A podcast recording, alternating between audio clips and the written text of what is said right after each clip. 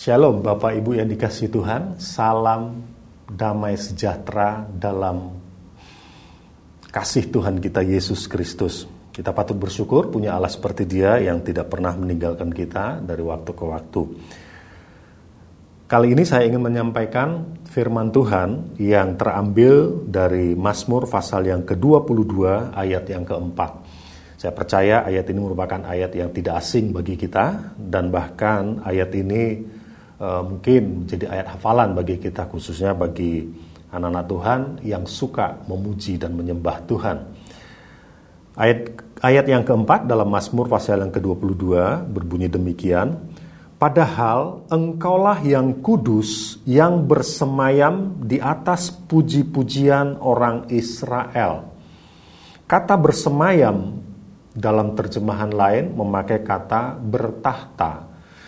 Jadi Tuhan Allah itu atau Dia yang Maha Kudus itu bertahta di atas puji-pujian orang Israel atau eh, di atas puji-pujian umatnya. Dari ayat ini tercipta beberapa lagu dan salah satu lagu, salah satu di antaranya lagu yang berbunyi demikian.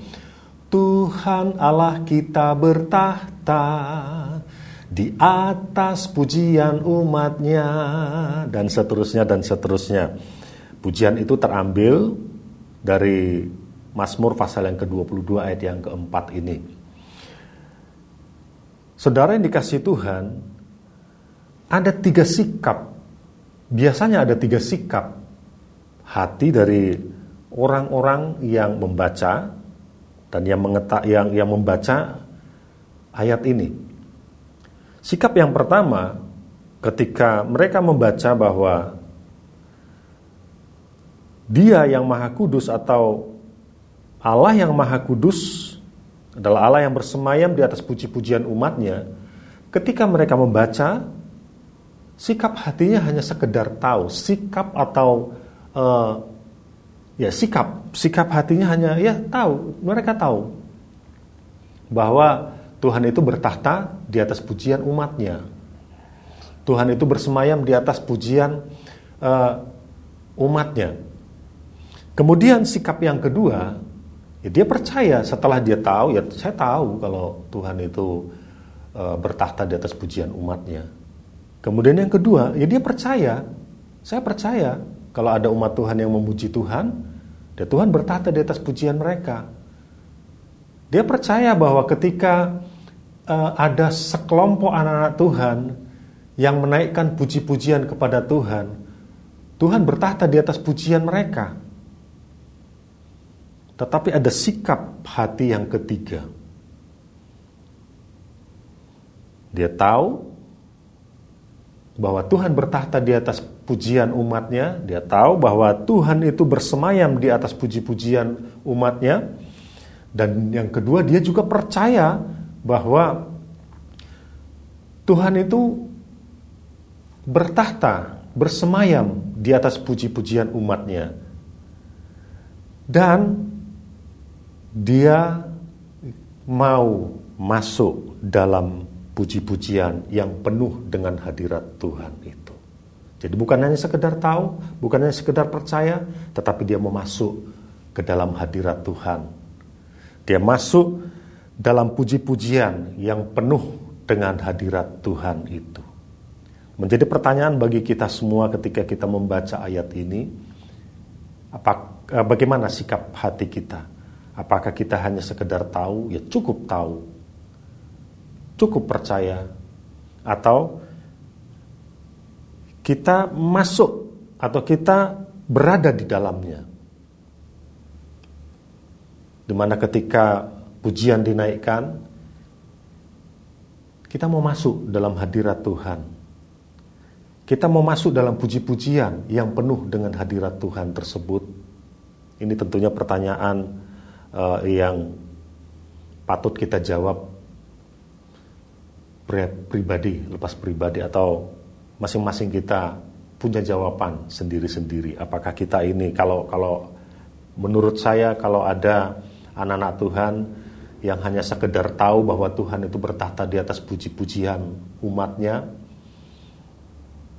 biasanya mereka dalam sebuah ibadah berada pada posisi hanya sebagai penonton, melihat orang-orang lain asik berselancar dalam hadirat Tuhan, sementara dia sendiri hanya sekedar tahu ya saya tahu itu hadirat Tuhan. Saya tahu orang-orang yang sedang memuji Tuhan itu mengalami bahwa Tuhan bertahta bertahta di atas pujian mereka.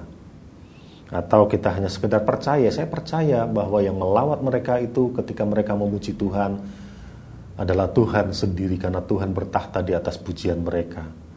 Atau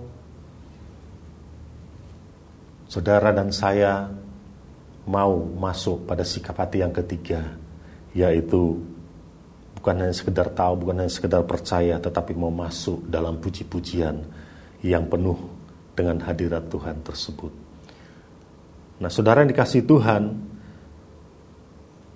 saya percaya ketika kita berada dalam hadirat Tuhan saat atau di saat kita menaikkan puji-pujian kepada Dia, dan ketika kita merasakan hadirat Tuhan nyata dan hadirat Tuhan begitu kuat ketika puji-pujian kita naikkan atau ketika kita menaikkan puji-pujian kepada Dia, sesungguhnya kita sedang mengakui kekudusan Tuhan.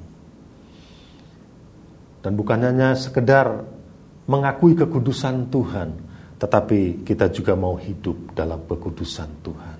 Karena tadi dikatakan dalam ayat yang keempat tersebut pada kalimat awal dikatakan, Padahal engkaulah yang kudus. Padahal engkaulah yang kudus. Ada pengakuan bahwa dia yang bertahta di atas pujian umatnya itu adalah kudus. Maka seyogianya umatnya yang memuji Tuhan tersebut juga hidup dalam kekudusan, mengakui bahwa dia adalah kudus. Nah, Bapak Ibu yang dikasih Tuhan, bagaimana dengan kita ketika kita menaikkan puji-pujian di hadapan Tuhan? Apakah kita mengakui bahwa yang sedang kita puji itu adalah Dia yang Maha Kudus? Atau apakah ketika kita sedang menaikkan puji-pujian kepada Tuhan, kita sedang hidup dalam kekudusan, menghormati kekudusan. Saya berharap kita semua didapati oleh Tuhan adalah pribadi-pribadi yang ketika menaikkan puji-pujian kepada Dia yang Maha yang Maha Kuasa, kepada Dia yang Maha Kudus. Kita mau mengakui bahwa Dia adalah Allah yang Maha Kudus. Dan bahkan kita mau menghidupi kekudusan. Hidup dalam kekudusan. Biar kita lalui hari-hari kita ini dengan mengakui kekudusan Tuhan dan juga hidup dalam kekudusan Tuhan. Sehingga ketika kita menaikkan puji-pujian di hadapan Tuhan, maka Tuhan bertahta, bersemayam, bersemayam di atas puji-pujian yang kita naikkan. Dan kita percaya ketika Tuhan bersemayam di atas puji-pujian kita, ketika Tuhan bertahta di atas puji-pujian kita, maka sesuatu terjadi dalam kehidupan kita. Mujizat terjadi dalam kehidupan kita. Haleluya. Tuhan Yesus memberkati. Amin.